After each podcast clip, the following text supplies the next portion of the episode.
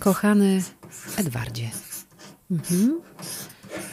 Kochany Edwardzie.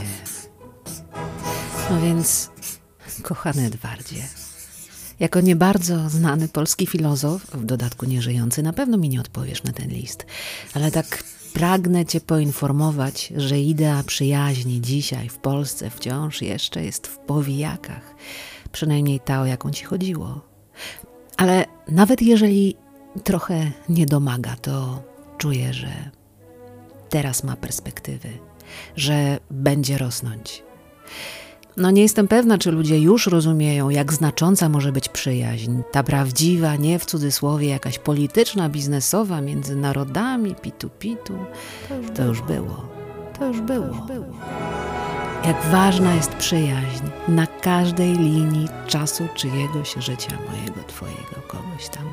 Na tej linii, którą sobie splatamy z rozmów, ze wspólnych przedsięwzięć, z żartów, z żalu, z biegu zdarzeń a głosiłeś, natchniony politycznie i prospołecznie, że przyszłość należy do, tu cytuję, związków przyjaźni. No i oczywiście nie chodziło o friends with benefits, ale o przyjaźń taką, jak to określałeś, sąsiedzką, taką lokalną. Chodziło o podawanie ręki w chwilach trudnych, o podtrzymanie za rękę w chwilach jeszcze trudniejszych, poza systemem, poza oficjalną strukturą taka wyższa szkoła plemienności, wyższa szkoła przyjaźni. Cóż.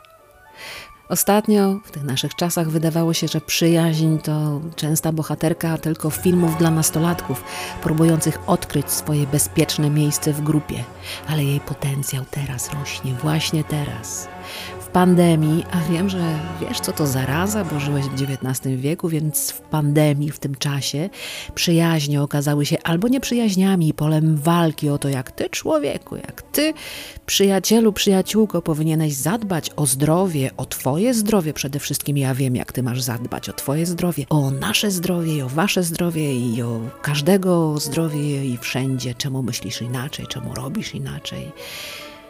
Tu się zrobiło napięcie, nieprzyjazne, ale przyjaźnie okazały się też dużo bardziej subtelną i pełną zrozumienia relacją w bardzo wielu przypadkach.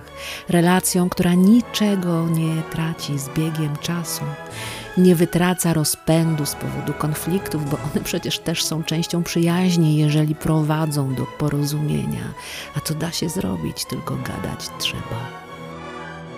Więc, Edwardzie, tak tu sobie gadam a ty przypomniałeś mi, że istnieją dwie potęgi zmagające się ze sobą o, też cytuję, panowanie nad człowiekiem, społeczeństwem i światem to egoizm i przyjaźń. Egoizm jest siłą zła, przyjaźń siłą dobra. To Twoje słowa.